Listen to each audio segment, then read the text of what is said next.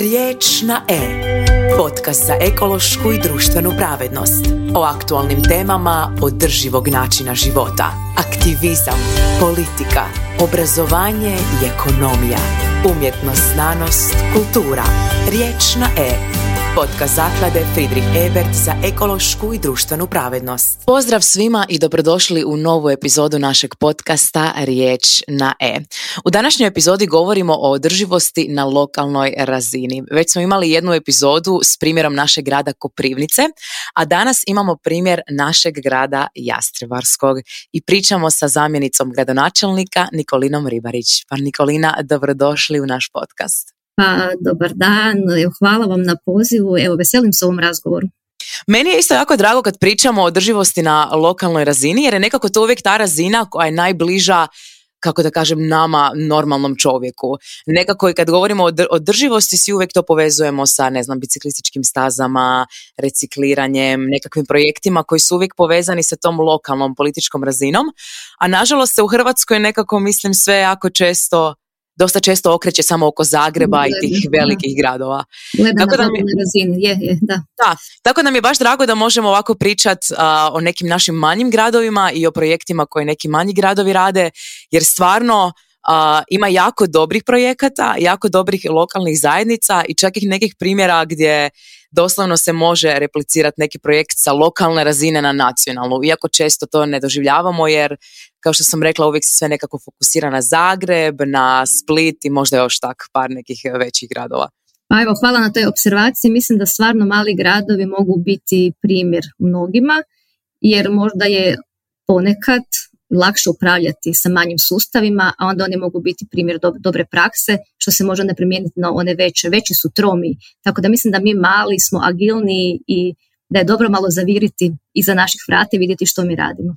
Pa definitivno, em ste bliže, imate bliže se svom stanovništvu i potrebama stanovništva, a i vjerojatno je sustav donošenja odluka ipak mrvicu brži nego sad kad govorimo o nekim megalomanskim ovaj, gradovima. pa eto, možete nam nešto ispričat uh, što to jastrebarsko kuha po tom pitanju? pa jako puno kuhamo. Evo, ja ću spomenuti samo neke najaktualnije projekte koje su vezane uz održivost u mojem gradu Jastrebarskom a to je recimo najveći projekt u povijesti grada, projekt poboljšanja vodno-komunalne infrastrukture aglomeracije Jastrebarsko. Izgrađen nam je sustav odvodnje i pročistač otpadnih voda sa trećim stupnjem pročišćavanja, e, što je jedna rijetkost u Hrvatskoj, jako ih malo ima, mislim da smo mi prvi, a da su ukupno do sada tri izgrađena, a taj treći stupanj uključuje i mehaničko, i biološko i kemijsko pročišćavanje, E, te na taj način osiguravamo stvarno očuvanje pitke vode na području grada Jastrebarskog, ali i šire. A ovdje moram napomenuti e, da nam je grad Jastrebarsko na poziciji e, ispod koje imamo jako, jako puno dobrih voda. Nalazi se izvor visoko kvalitetne pitke vode Jana, za koju sigurno svi znate. a U susjedstvu, u susjednoj općini nam je izvor mineralne vode Jamnica a očuvanje pitke vode je prioritet ne samo za grad Jasabarsko, već mislim i za cijelu Republiku Hrvatsku. Nisam znala da je Jana javnica, da, ste, da su blizu. a je, je, mi imamo e, prigradsko naselje koje se zove Sveta Jana a... i tu je ovoga e, izvor te vode i zbog toga se voda zove Jana. Tako da to je čisto jastansko. Lijepo da se možemo s time pohvaliti. Htjela sam samo spomenuti te neke brojke koje su nam jako važne jer smo mi mali, a ovaj projekt je bio vrijedan 22,5 milijuna eura. što je zaista najveće ulaganje u, gradu Jastrebarskom u povijesti. Tu nam je pomogla naravno Evropska unija i iz kohezijskog fonda smo uh, 72% neto iznosa isfinancirali, a ostatak je pokrio grad Jastrebarsko i naša tvrtka Vode Jastrebarsko. Mhm. Imate još neke projekte koje ste možda proveli uh, u zadnjih nekoliko godina za koje mislite da su no, pa zanimljivi u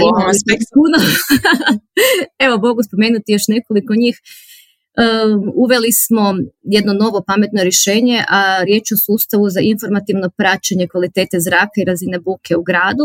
S tim u vezi su postavljene tri mjerne senzorske stanice za informativno mjerenje koje će osim kvalitete zraka mjeriti razinu buke te meteorološke parametre, na primjer temperaturi vlažnost zraka, tlak zraka, smjer i brzinu vjetra, mm. što može biti korisno našim sugrađanima onako u svakodnevnom životu.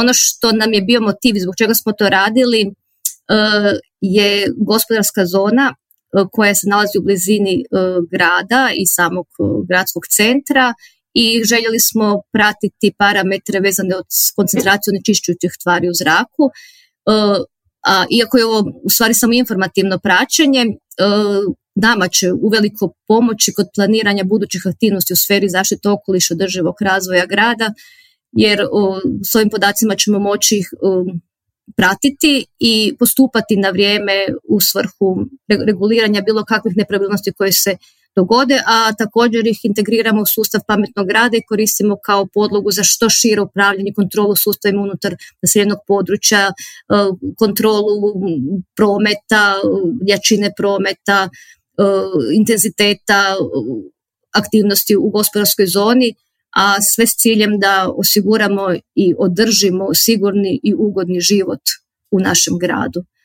Baš sam htjela pitat, um, do, mislim održivost ima baš ono milion aspekata o kojima možemo pričat, ali najčešće se te lokalne zajednice uvijek odluče za neki aspekt na koji stavljaju poseban naglasak. Što mislite iz perspektive vašeg grada, postoji li neki aspekt održivosti koji vam je posebno bitan za vaše područje? Pa tu se mi najviše nekako fokusiramo na uštedu energije, na smanjenje ugljičnog otiska, na očuvanje prirode, Evo, mi smo ruralni kraj, e, grad koji je velik površinom, a relativno malo, maleni broj stanovnika i imamo jako puno prigradskih naselja za informaciju slušateljima. E, grad ima 58 prigradskih naselja i dvije gradske četvrti, tako da smo jako, jako raspršeni, a želja nam je da kvaliteta života bude u svim, e, u svim dijelovima gradskih i prigradskih naselja jednaka i kvalitetna.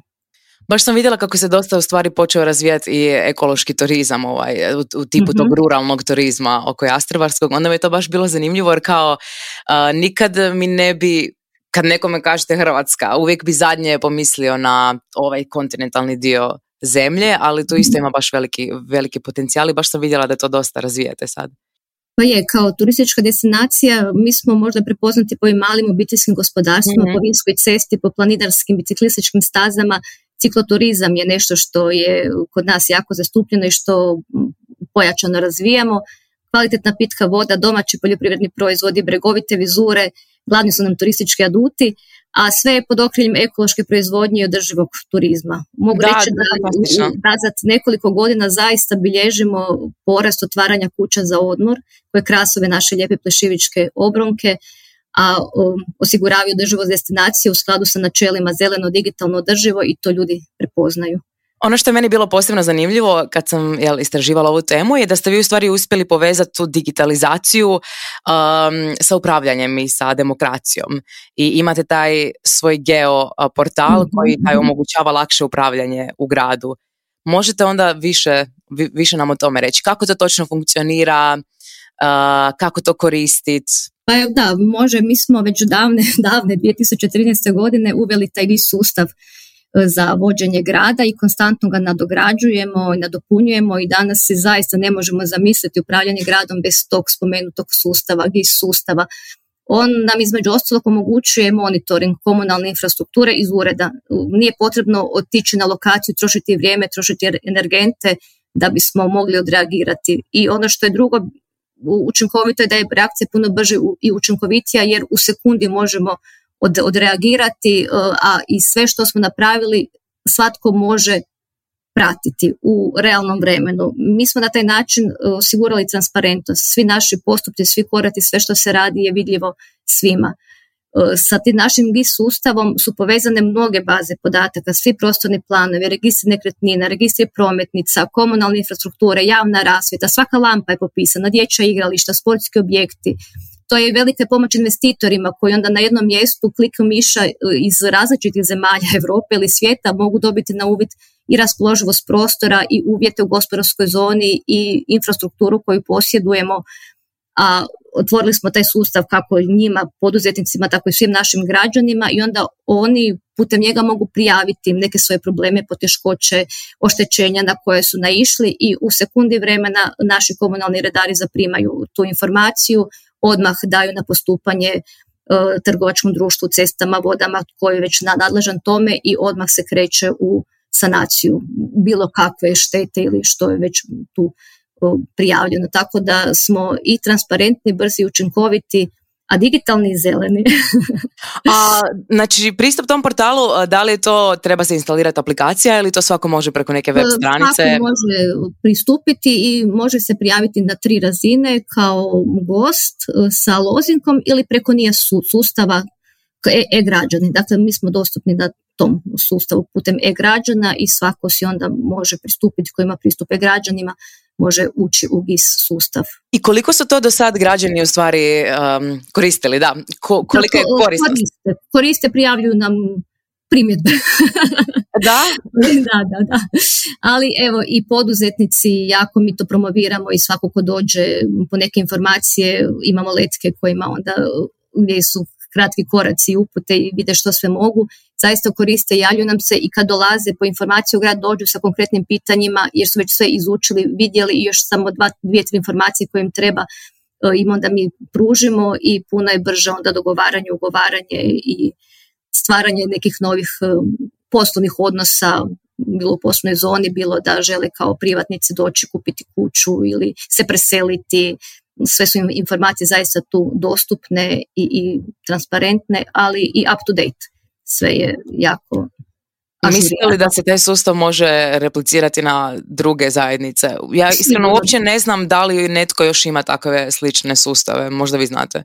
Pa evo, mnogi su nas gledali i kopirali, pa Pa dobro da vas kopiraju u što je dobro. Ne?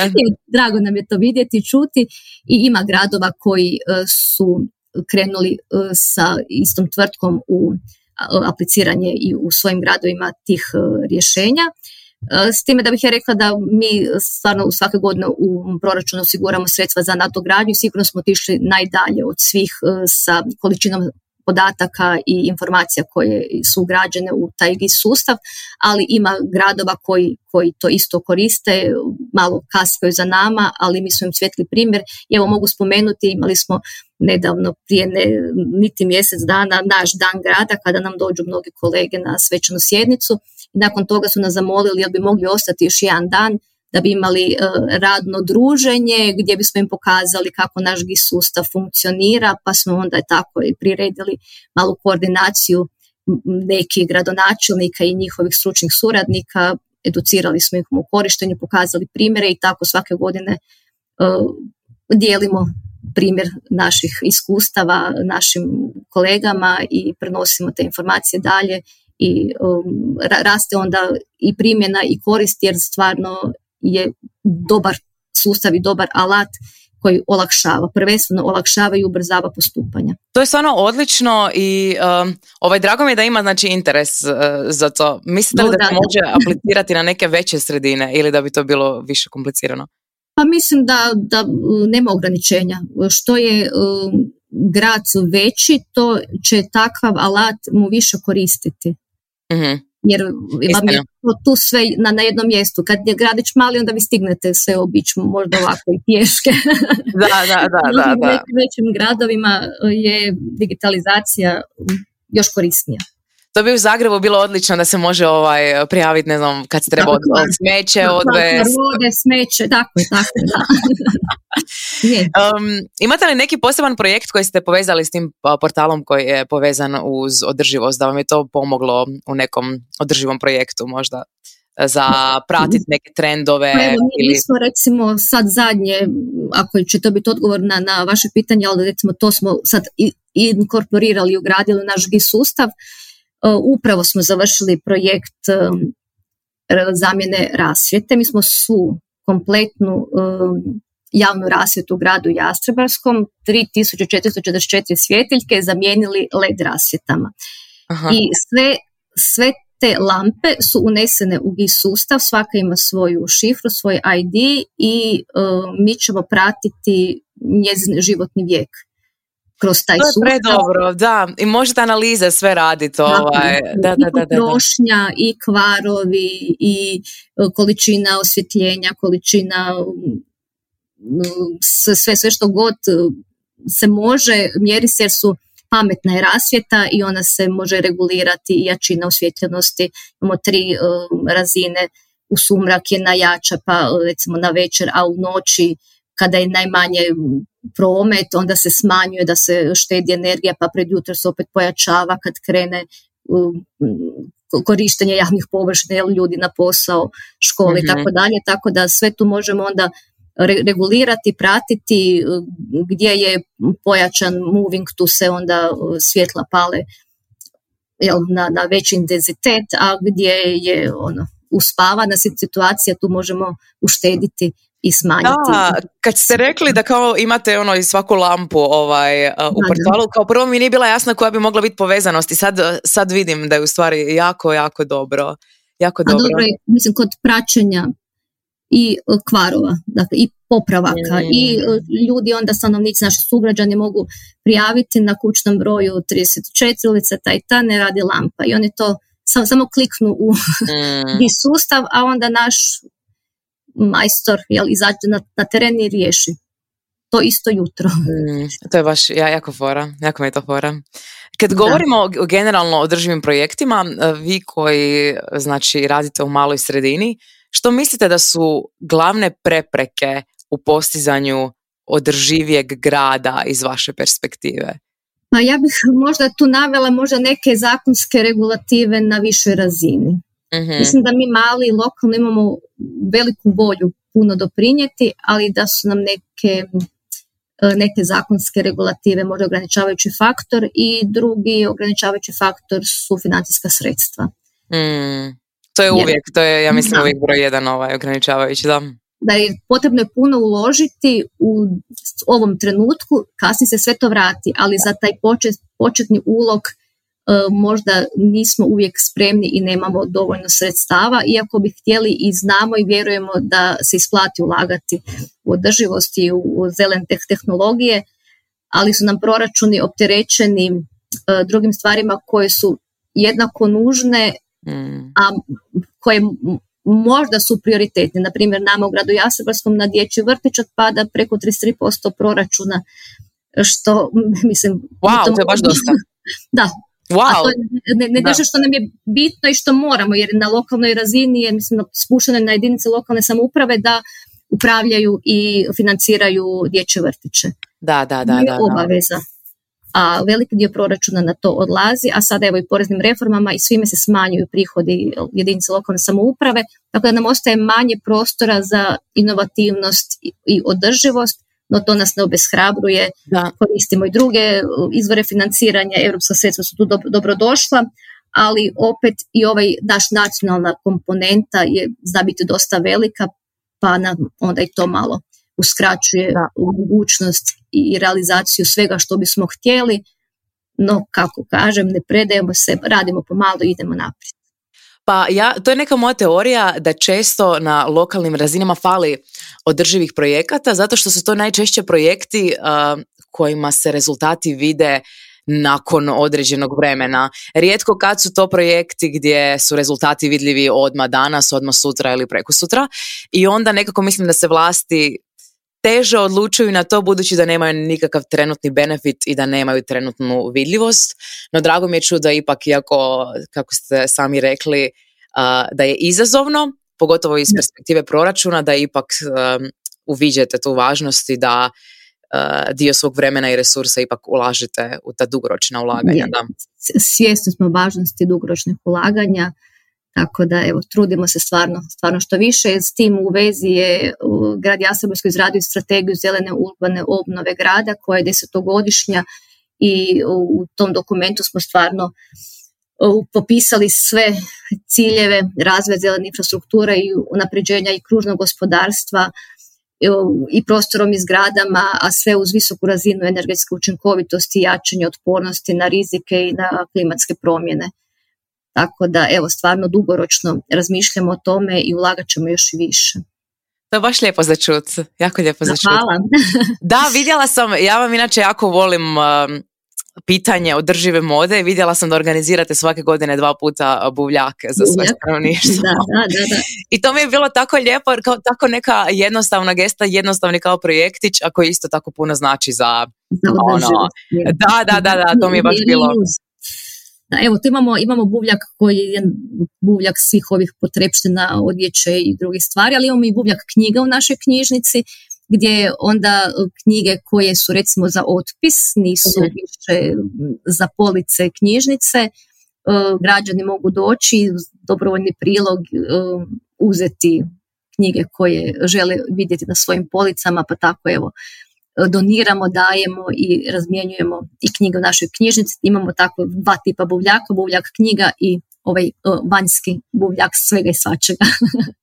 Što bi bio vaš savjet iz perspektive jednog grada koji se dosta bavi održivosti, što bi bio vaš savjet za neke druge lokalne zajednice?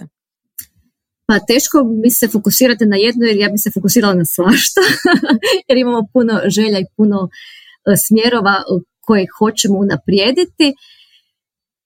Savjet moj drugima je e, da promišljamo zeleno i digitalno, jer tu ja gledam digitalizaciju u e, službi zelenog, mhm. jer bez digitalizacije ćemo teško ostvariti ovu zelenu komponentu i zeleni razvoj.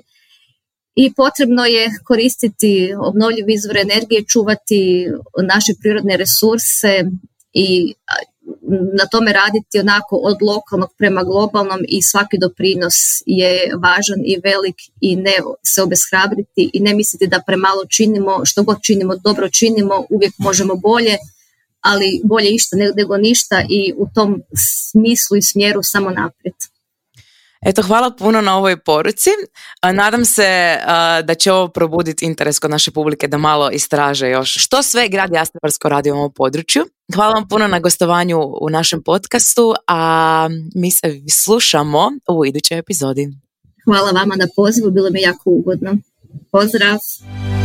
Riječ na E, podcast zaklade Friedrich Ebert za ekološku i društvenu pravednost.